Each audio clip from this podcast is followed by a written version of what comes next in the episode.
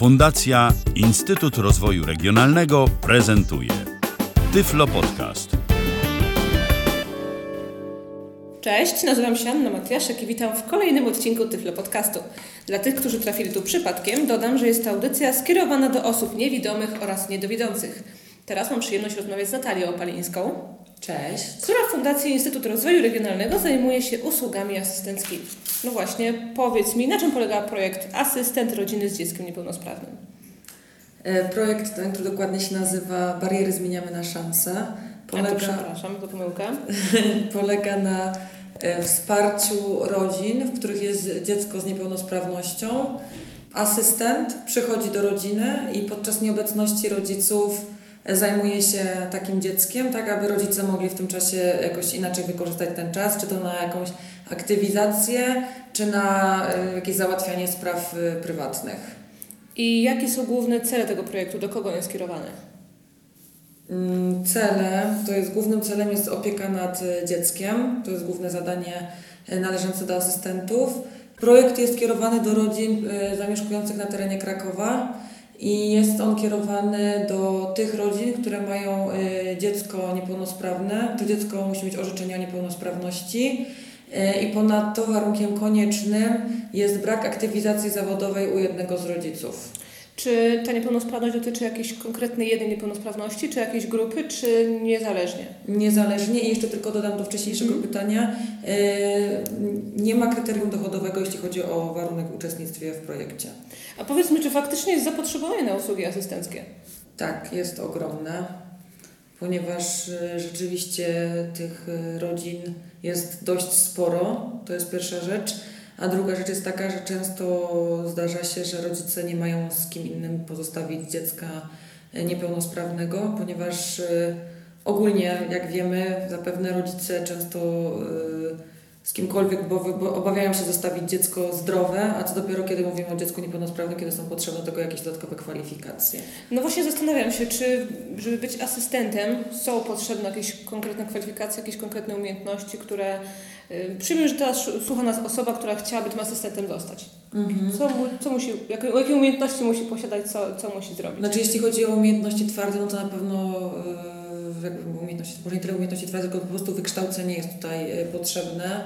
E, Jakie to spe- powinno być wykształcenie? Specjalistyczne. Może to być e, wykształcenie, że szukamy osób po e, psychologii, po pedagogice, czy to zwykłej, czy specjalnej, e, czy na przykład osoby, które e, są po pielęgniarstwie, też, e, też są mile widziane, po fi- fizjoterapii, po logopedii, e, po takich kierunkach, które e, miały gdzieś w swojej edukacji doświadczenie z, z, tak- z taką tematyką jak niepełnosprawność i posiadają jakąś wiedzę na ten A temat. czy wystarczyłoby na przykład, że ktoś ma w rodzinie osobę niepełnosprawną i na przykład jest już zaznajomiony z opieką nad nim? Czy, czy taka osoba niestety nie, ma możliwości, bo nie, jest, nie ma tego, tego wykształcenia, które jest gwarantem? Znaczy na pewno jest to dodatkowy plus, aczkolwiek powiem szczerze, że myślę, że, że jest też tutaj potrzebny po prostu papier na konkretne wykształcenie. To w takim razie na czym polega praca asystenta? Co taki asystent może robić, który przyjdzie do rodziny? Mm, do Zazwyczaj na każdą rodzinę jest przeznaczone około 15 godzin, tak plus minus 15 godzin na miesiąc y, takiego wsparcia. I opowiem tak może od początku, jak to mniej więcej wygląda. Asystent przychodzi do takiej rodziny.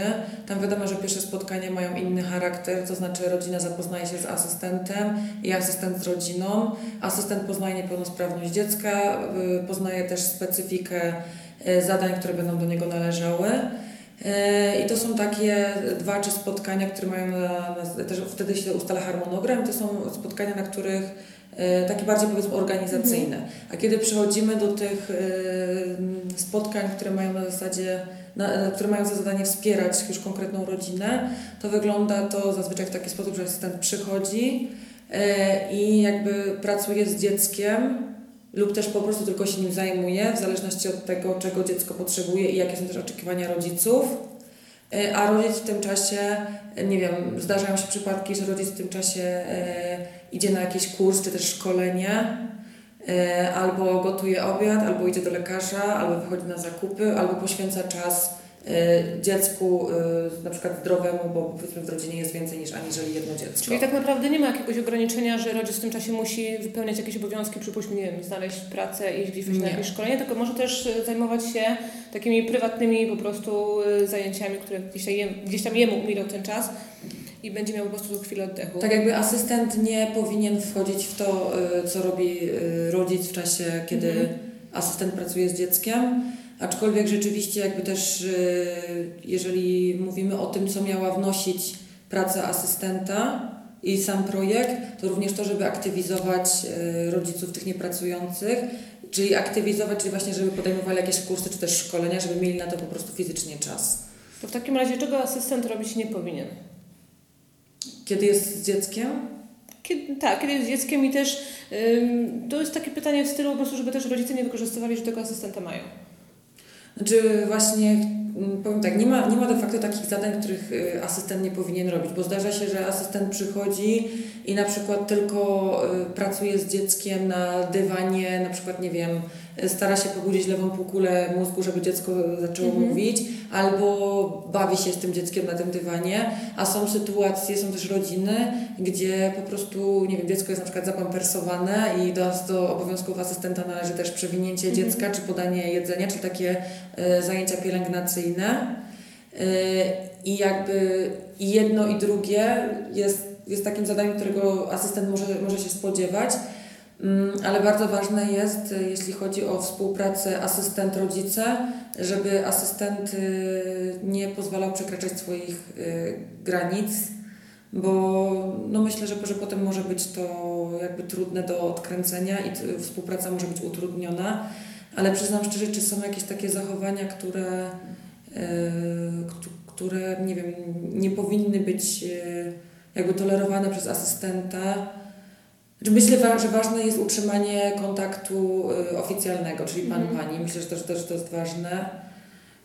No wiadomo, nie wolno asystentowi, nie wiem, jakoś za bardzo spoufalać się z, z rodziną, czy nie wiem, pić alkoholu, wiadomo, palić papierosów w trakcie, w, w trakcie kiedy jest y, pod jego opieką dziecko. A tak to nic innego mi na ten, na ten moment nie, nie przychodzi do głowy. Ale podejrzewam, że nie każdy asystent też spełni wymagania każdej rodziny. W jaki sposób oni są dobierani? Y, Jeżeli, y, zanim w ogóle rodzina dostaje asystenta, to w momencie, kiedy wchodzi do projektu, y, jest, ma spotkanie z koordynatorem projektu i ten też koordynator przeprowadza ankietę z rodziną. I w tej ankiecie, oprócz pytań dotyczących niepełnosprawności dziecka i zapotrzebowania na konkretnego asystenta, to są też, są też pytania dotyczące preferencji, nie właśnie nie tylko dotyczące wykształcenia, ale też, y, nie wiem, na przykład y, wyglądu, płci, wieku, y, czy też, też właśnie wieku asystenta. I wtedy jest taka pierwsza, powiedzmy, runda, taka pierwsza selekcja, Mhm. kogo możemy, do kogo, jakiego asystenta, do jakiej rodziny możemy dopasować. A zastanawiam się w takim razie, ile obecnie jest rodzin objętych wsparciem asystenckim? Rodzin na ten moment jest 29, przy czym w dwóch rodzinach jest to dwudziestodwójka dzieci. I powiedz mi, czy każdy może uzyskać wsparcie, czy funkcjonują jakieś konkretne wymagania? Bo rozmawialiśmy już oczywiście o wykształceniu, ale czy, czy są jakieś wymagania, o których na przykład rodzina może nie wiedzieć, że je, że je spełnia, że je ma?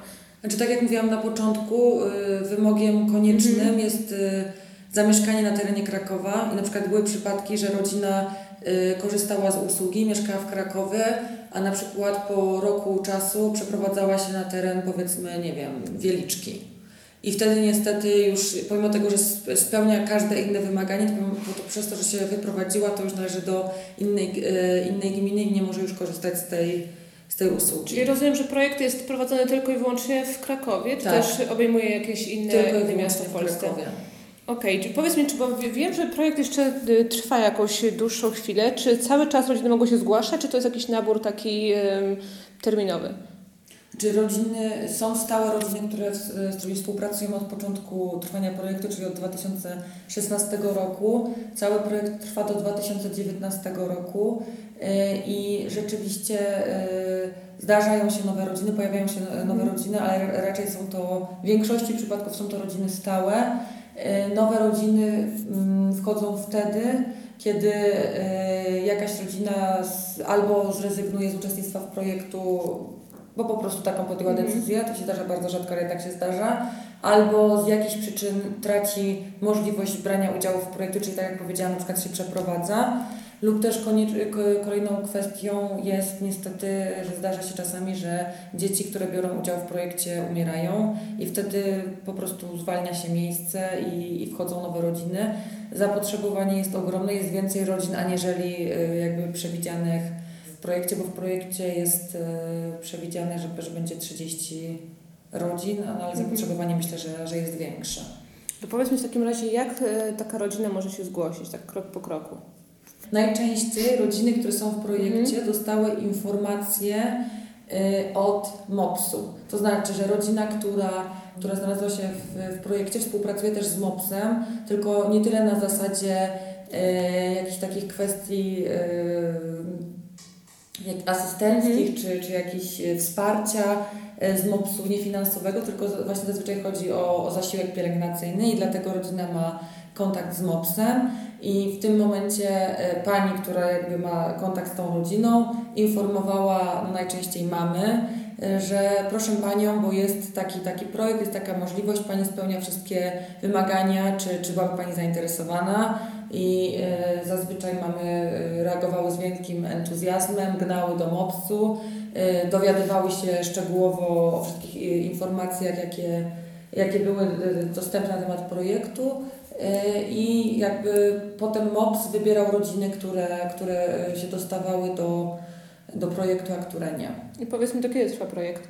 Jak długo się jeszcze można zgłaszać? Znaczy projekt trwa do 2019 roku Mhm. i y, wydaje mi się, że dalej można się zgłaszać, aczkolwiek nie mam takiej informacji na, na Mhm. 100%, bo podejrzewam, że na ten moment, nie wiem, jest na przykład lista rezerwowa.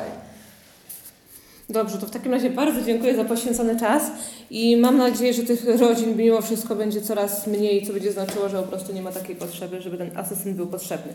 Dziękuję. Dziękuję również. Był to Tyflo Podcast.